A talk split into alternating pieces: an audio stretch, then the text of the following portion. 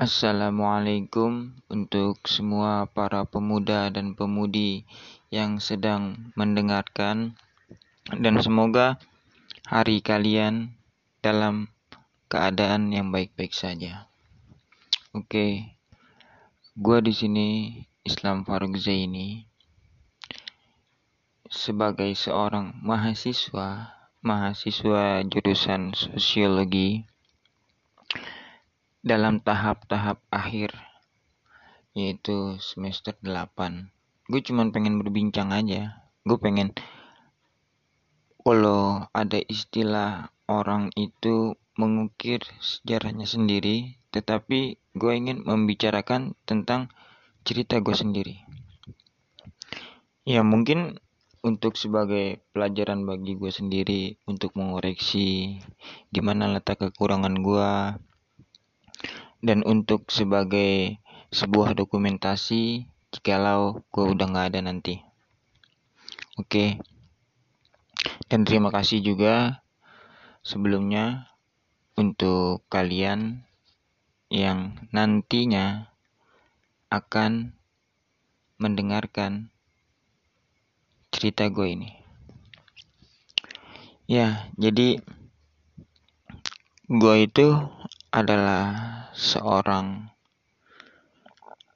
pria yang dilahirkan dari keluarga dengan latar belakang yang agamis. Dalam artian keluarga ini bukan hanya keluarga inti atau keluarga kecil, tetapi juga keluarga besar gue. Dan alhamdulillah gue sangat bersyukur sekali. Gue bisa terlahir dari keluarga yang seperti itu. Dengan berbagai perspektif yang ada dengan berbagai aliran yang ada di dalam keluarga gue tidak hanya dalam urusan akademis politik tetapi juga merambah ke dalam urusan agama dan itu semua menjadikan diri gue yang saat ini berumur 21 tahun terbentuk. Sebab gue selalu disuguhi dengan perdebatan argumentasi di dalam keluarga gue. Di mana paman-paman gue atau sepupu gue berbicara tentang hal-hal atau persoalan yang saat itu sedang menjadi trending. Contohnya bagaimana ketika di Pilpres 2019 itu kita saling beradu argumentasi dengan pendapat masing-masing, dengan analisis masing-masing yang tentu saja didasari dengan teori. Tidak hanya sekedar berbicara, sebab alhamdulillah gue bersyukur gue dilahirkan selain dari keluarga dengan latar belakang agama yang kuat, gue juga dilahirkan dari keluarga yang menjunjung tinggi pendidikan. Dengan dasar pendidikan itu, maka nggak ada sekat di antara keluarga gue. Misalnya gue sebagai seorang Islam dengan umur 21 tahun, berdebat dengan paman gue yang telah memasuki usia pensiun, atau dengan sepupu gue yang sudah berkeluarga, mungkin kisaran usia 40-an dan itu biasa aja. Nggak ada persoalan nggak ada yang bilang ih lo bocah kok belagu banget sih? Ya kan? Nggak ada yang bilang begitu. Dan itu semua terbuka karena mereka memahami bahwa dunia akademisi itu memang harus seperti itu harus menerima kritik menerima pendapat. Dan itu diterima bukan sebagai celaan atau cercaan tetapi sebagai sebuah perspektif baru yang harus kita cerna, yang harus kita analisis lagi, yang harus kita pikirkan lagi. Bahwa nyatanya dalam kehidupan ini itu memang betul-betul segala sesuatunya hadir. Makanya kenapa banyak orang atau yang bilang bahwa kehidupan ini sempurna. Sebab tidak hanya kebaikan di dalamnya, keburukan pun ada. Nah, dengan perpaduan itu semua, maka lahirlah kesempurnaan. Begitu juga dengan manusia. Kenapa disebut manusia adalah makhluk yang paling sempurna? Sebab manusia itu bisa menjadi makhluk-makhluk yang lain. Dia bisa menjadi jin dengan peringainya yang tercela. Dia bisa menjadi malaikat dengan peringai yang terbaiknya. Dia bisa menjadi binatang dengan perilaku yang tidak warasnya. Seperti itu. Ya, jadi sebenarnya yang pengen gue bicarakan di sini adalah tentang sebuah keharusan kita sebagai para pemuda untuk menyadari bahwa kita sebagai manusia ini memiliki software di dalam diri kita sendiri. Sebagaimana gadget-gadget canggih sekarang ini. Nah, oleh karena kita memiliki software, maka sudah barang tentu harus ada yang namanya pembaharuan atau upgrade dan pertanyaannya adalah bagaimana kita mengupgrade diri kita sendiri. Bagaimana kita terus melakukan katalisasi terhadap diri kita sendiri, menginternalisasi lagi segala sesuatunya yang telah terjadi dan yang akan terjadi dalam hidup kita. Jawabannya cuma satu. Belajar. Ilmu itu yang terpenting. Baik ilmu apa pun. Baik ilmu apa pun. Sebab sejatinya ilmu itu adalah kebaikan. Ilmu itu adalah kebaikan. Yang menjadi kesalahan adalah sang subjek yang menyalahgunakannya. Kalau misalnya dalam filsafat itu ada yang disebut aksiologi. Bagaimana suatu nilai, suatu estetika dari objek itu bisa dilihat. Kayak bom. Oke, orang bilang, ih, bom itu berbahaya. Bom itu bisa mematikan orang-orang banyak. Ya kan? Tetapi bom itu juga yang bisa memerdekakan Indonesia. Sebab jatuhnya bom atom di Hiroshima dan Nagasaki oleh tentara sekutu. Artinya semua kembali lagi kepada perspektif. Seberapa mampu kita memandang segala sesuatunya itu dengan komprehensif, secara menyeluruh, secara detail, secara radiks, dan secara logik, sudah pasti. Apalagi di saat-saat seperti ini, di abad informasi, di mana segala sesuatunya terus beredar, terus berputar. Ya kan? Keilmuan itu penting.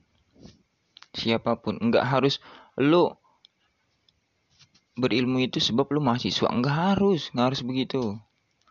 Lo mau sekolah, lu mau enggak ya lu harus tetap jadi orang berilmu dengan cara apa ya sumber daya sekarang banyak di zaman ini kalau dibilang ah gua nggak bisa mengikuti ini sebab gua nggak begini ya itu namanya pembodohan pembodohan.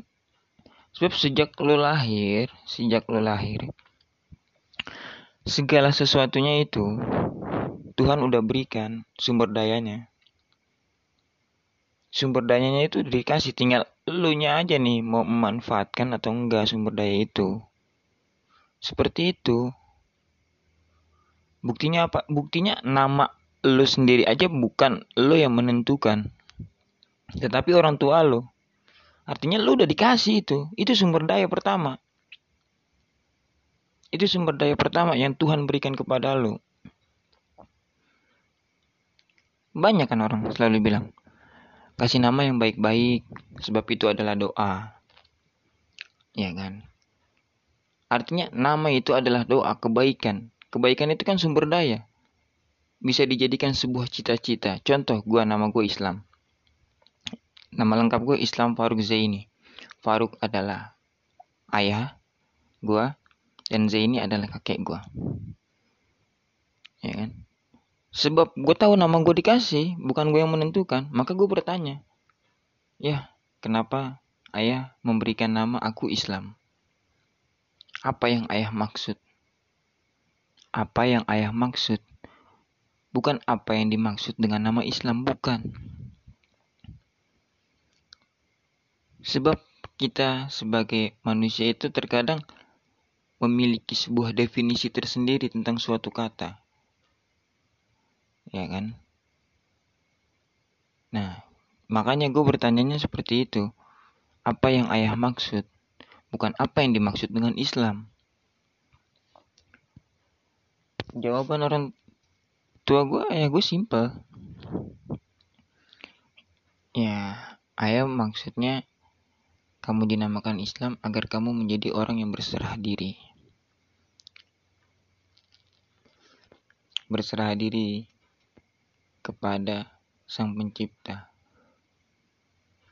Berserah diri terhadap kemampuan diri sendiri. Ya, sebab gue sebagai manusia pasti terbatas. Gue gak bisa menjangkau semuanya.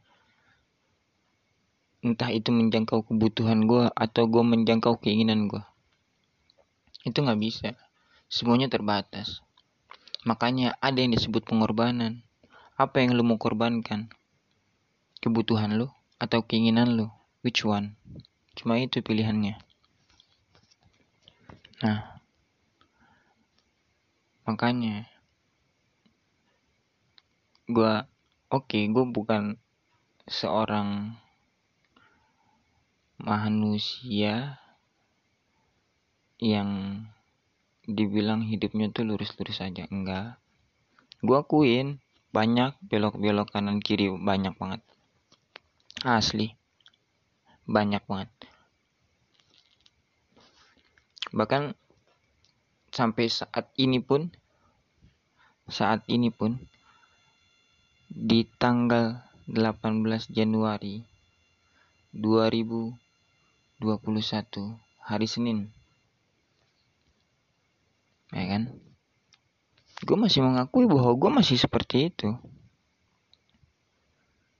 Hanya saja yang membedakan antara Islam yang sekarang dan Islam yang lalu adalah tingkat kesadaran.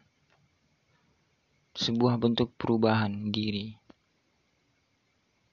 Karena gue sekarang gue lebih melihat hidup bahwa oh untuk apa gue hidup di masa lalu toh Islam yang dua tahun yang lalu dan Islam yang sekarang berbeda.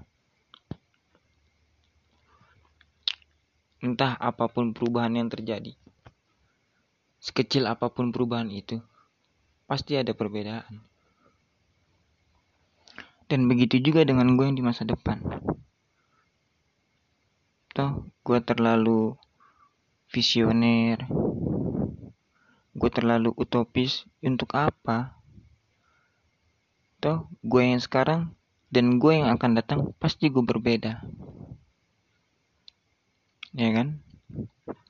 Ketika misalnya dulu gue punya harapan gue pengen hidup dengan umur yang panjang kan agar bisa lebih menikmati hidup tetapi terkadang ada saat ini bukan terkadang ya tetapi saat ini gue lebih merasakan bahwa mati muda adalah yang terbaik. Sebab gue mati atau gue hidup itu sama aja. Dalam artian kalau di dalam agama gue ya. Lu hidup tapi lu nggak bertakwa. Ya sama aja lu mati. Nggak usah lah bertakwa. Lo hidup tetapi lo nggak mengingat Tuhan lo sama aja lo mati. Apa coba jadi yang membedakan? Selagi intinya satu ketika lo mengingat Tuhan lo ketika lo bertakwa kepada Tuhan lo lo meyakini segala sesuatunya lo meresapi dan lo menemukan sendiri siapa Tuhan lo. Bukan dikarenakan lo beragama itu karena ya sebab orang tua gue ini, kaki gue ini, dan seterusnya. Kalau misalnya ditarik seperti itu, pertanyaannya adalah jadi kita tidak tahu siapa Tuhan kita. Sebab kita hanya diberitahu. Sia-sia kalau kalau begitu. Gua sebagai seorang Islam melaksanakan kewajiban gua? Sia-sia sebab, gue beragama hanya karena dasar pem cerita hanya sekedar dasar cerita dari orang tua gue dari ini tentang Tuhan tentang siapa itu Tuhan tanpa pernah gue coba memikirkannya dan gue mencari tahu sendiri. Ya kan? Sebab Tuhan itu sendiri yang telah memperkenalkan dirinya.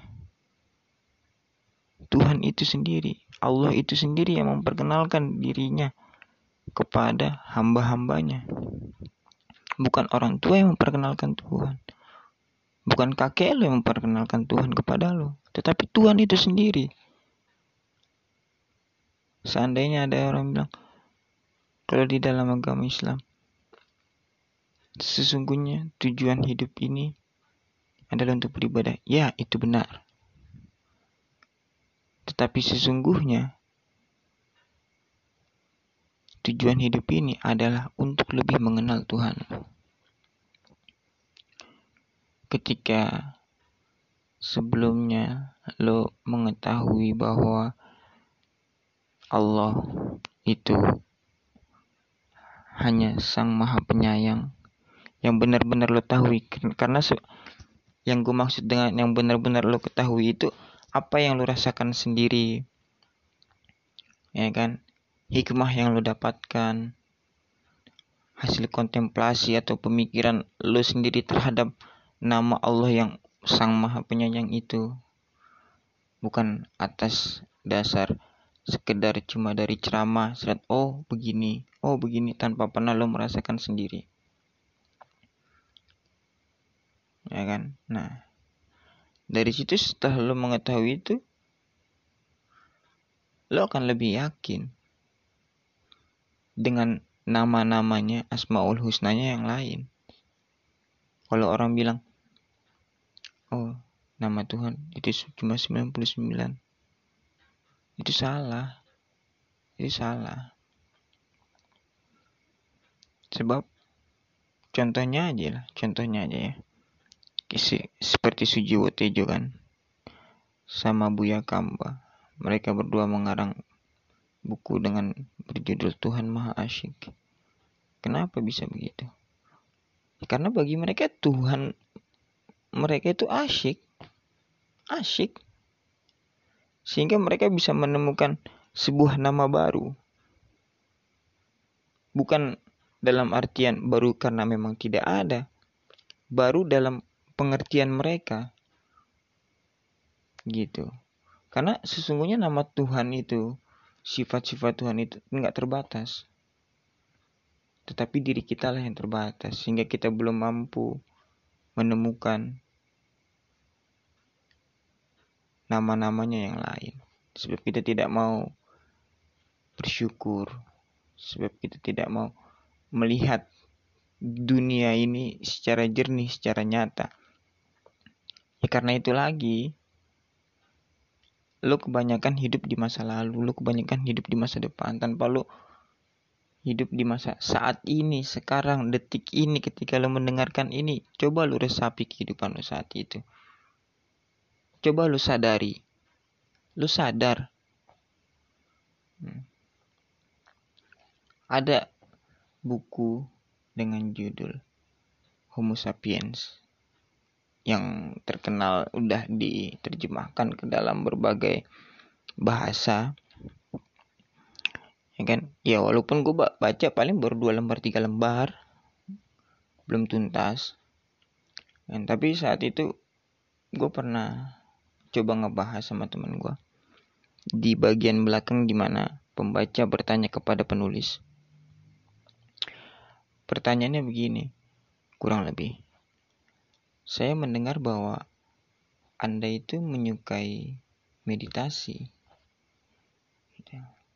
Apakah proses meditasi tersebut berguna untuk Anda dalam melakukan penulisan buku ini? Nah, dia nggak memberikan sebuah jawaban di awal, tetapi justru malah melemparkan sebuah pertanyaan lagi. Ya, saya menyukai meditasi. Di dalam proses bermeditasi, saya justru mempertanyakan, apa itu kehidupan nyata? Apakah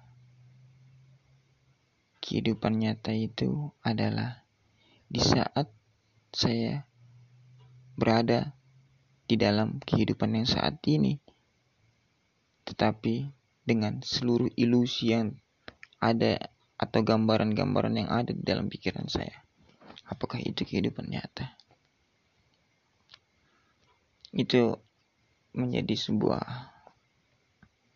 pukulan bagi gue khususnya ya karena gue sadar. Oh jadi selama ini gue selalu hidup dalam hayalan hayalan entah untuk menjadi orang sukses. Hayalan entah untuk memiliki istri yang cantik. Bisa membanggakan orang tua. Menjadi contoh untuk adik-adik. Jangan-jangan gue emang hidup ternyata dalam hayalan bukan dalam kenyataan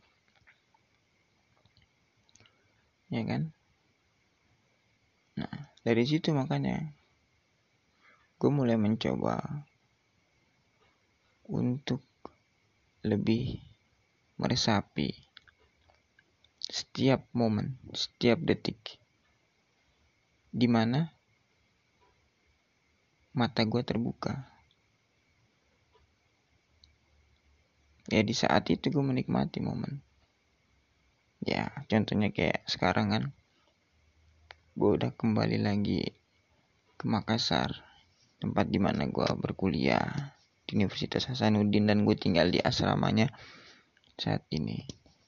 Ya kan? Di situ ya gue merasakan walaupun saat ini jam telah menunjukkan waktu 0243 dini hari di mana? Suara-suara jangkrik, suara tetesan. Sehabis gerimis itu masih terdengar dengan sunyi, sunyi sekali. Walaupun di saat ini gue ya merasa kayak seperti apa ya? Pasti ketika lo merantau, kalau lo pernah merantau, lo akan merasakan titik di mana. Oh ternyata ini loh kesendirian oh ternyata ini loh kesepian. Pasti ada perasaan kayak begitu. Ya kan? Ya tetapi gue mencoba menikmati. Ya kan? Gue mencoba menikmati ya kesepian ini. Gue mencoba menikmati ya kesunyian ini. Ya kan? Ya sebab gue juga butuh yang namanya kesunyian. Gue butuh namanya kesendirian. Gue butuh namanya kesepian. Di saat-saat seperti itulah di mana kita bisa lebih mengetahui diri kita sendiri. Lebih mengintrospeksi lagi sebenarnya apa sih kegiatan yang telah gue lakukan selama ini. Ada nggak sih benefitnya atau malah lebih banyak waktu sia-sia yang berlalu. Ya kan? Kesalahan-kesalahan apa aja sih yang udah gue perbuat? Kayak misalnya begitu. Atau seberapa banyak nikmat dari Allah yang bisa gue sadarin? Seberapa banyak? Karena jujur ya terkadang ya di saat-saat ya di jam-jam seperti inilah. Gue tuh ya suka merenung sendiri berkontemplasi memikirkan tentang lebih mengenal tentang Tuhan gue sendiri. Yang di mana terkadang di saat itu gue merasa ya Allah Alhamdulillah terima kasih. Ternyata engkau sebaik ini engkau sesayang ini. Dan ternyata ya gue nggak ada apa-apanya. Gue nggak ada apa-apanya. Dari situ dan kadang tanpa tersadar ya gue nangis. Kan? Dan terkadang juga hati gue sedih sedih sebab memikirkan bahwa betapa banyak nikmat yang telah diberikannya betapa sayangnya, betapa cintanya, betapa agungnya, betapa besarnya, betapa sucinya. Tetapi gue gak bisa menangis. Dan menurut gue ketika gue merasakan hal itu tetapi gue gak bisa menangis itu adalah sebuah bentuk siksaan tekanan batin yang apa ya yang yang nggak bisa yang paling parah menurut gue sebab seandainya dibilang cinta seorang suami dan istri itu adalah yang terbaik. Gue bilang bohong. Ya bohong. Sebab ketika salah satu dari keduanya meninggal, selesai juga cinta tersebut. Bahkan bisa dikatakan itu telah terjadi sebuah perceraian. Telah terjadi sebuah perceraian. Ya walaupun ada yang kadang ketika ditinggal oleh suami atau istrinya dalam keadaan meninggal, mereka merasakan semangat hidupnya hilang, separuh hatinya hilang. Itu bukan lebih dikarenakan bahwa itulah cinta yang sebenarnya, tetapi disebabkan oleh dirinya yang tetap hidup di masa lalu. Tidak hidup di masa sekarang, saat ini, di mana kenyataan itu terjadi. Tetapi dia hidup di dalam pikirannya, pikiran masa lalunya, terus mengenang tanpa ingin berhenti. Bukankah itu justru bukan sebuah bentuk cinta, tetapi penyiksaan terhadap diri sendiri. Lo mengaku cinta, tapi kenapa lo siksa diri? Cinta itu kan indah. Cinta itu kan bahagia. Dalam kondisi dan keadaan apa pun. Ya kan? misalnya lu udah berkeluarga ya kan atau lu baru menikah lah lu baru menikah Nah, dan ada suatu kondisi di mana uang habis, beras habis, ya pokoknya ya udah nggak ada yang bisa dimakan, gitu. Tetapi di saat itu lo justru tertawa, lo justru bersyukur, lo justru senang, lo justru bahagia bersama dengan pasangan lo. Ya di situlah cinta. Di situlah cinta. Tetapi bukan cinta yang terbaik. Sebab cinta yang terbaik ya hanya cinta Tuhan terhadap hambanya. Cinta Tuhan terhadap hambanya. Ya bagaimana tidak? lo maksiat, lo berzina, lo mabuk, apa pun keburukan lo ngebunuh lah pokoknya, apa pun keburukan lo lakuin, terus lo bertobat, diterima, kembali lagi lo suci, kembali lagi lo bersih, bukan kayak itu cinta, dan terus lo ngelakuin hal itu lagi, tetap diterima lagi disucikan lagi diri lo. Apakah itu bukan cinta? Hmm? Bahkan hingga ketika lo nanti lo mati selesai. Diminta pertanggungjawaban atas semua yang lo lakukan. Ya kan? Tetapi karena ada keyakinan lo ada iman lo terhadap Allah. Ya kan? Walaupun dosa lu lebih banyak dibanding kebaikan lu atau pahala lu. Tuh ujung-ujungnya lu dimasukin ke neraka sebentar dan akan tinggal di surga selamanya. Nggak ada tuh istilahnya lu masuk surga dulu sebentar karena kebaikan lu. Tapi karena dosa lu lebih banyak, habis lu dimasukin neraka selamanya. Nggak ada. Nggak ada. Neraka dulu baru surga. Bukan surga dulu baru neraka. Begitu. Bukankah itu sebuah bentuk cinta? Sebuah bentuk kasih sayang. Ya kan? Kalau udah seperti itu ya.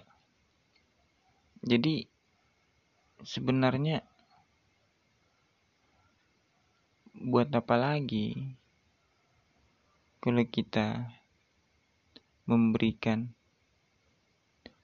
rasa cinta itu kepada manusia buat apa ya kan? Ya toh kita berkeluarga kita sayang sama istri sayang sama anak kan tetap tanggung jawabnya ya terhadap Tuhan. Bagaimana lo mendidik anak lo bukan terhadap keluarga-keluarga lo yang lain atau terhadap mertua lo atau terhadap menantu lo atau terhadap istri lo bukan. Sesungguhnya itu bagaimana tanggung jawab lo terhadap Tuhan. Dalam lo mendidik memperlakukan anak lo memperlakukan istri lo mendidik istri lo ya kan? Bukan terhadap orang manusia lah bukan terhadap manusia tetapi terhadap Tuhan lo karena lo sadar anak titipan amanah yang harus gue didik istri begitu juga. Tanggung jawab kepada siapa? Ya kepada Allah. Karena Allah menyuruh memperlakukan istri lu sebaik-baiknya. Memperlakukan anak lu sebaik-baiknya. Berikan mereka yang terbaik. Maka lu berusaha. Berusaha. Untuk mewujudkan itu semua. Ya kan? Jadi intinya gue cuma mau bilang kenali diri lo. Kenali diri lo. Kenali diri lo. Kenali diri lo dan lo akan cinta sama Tuhan lo.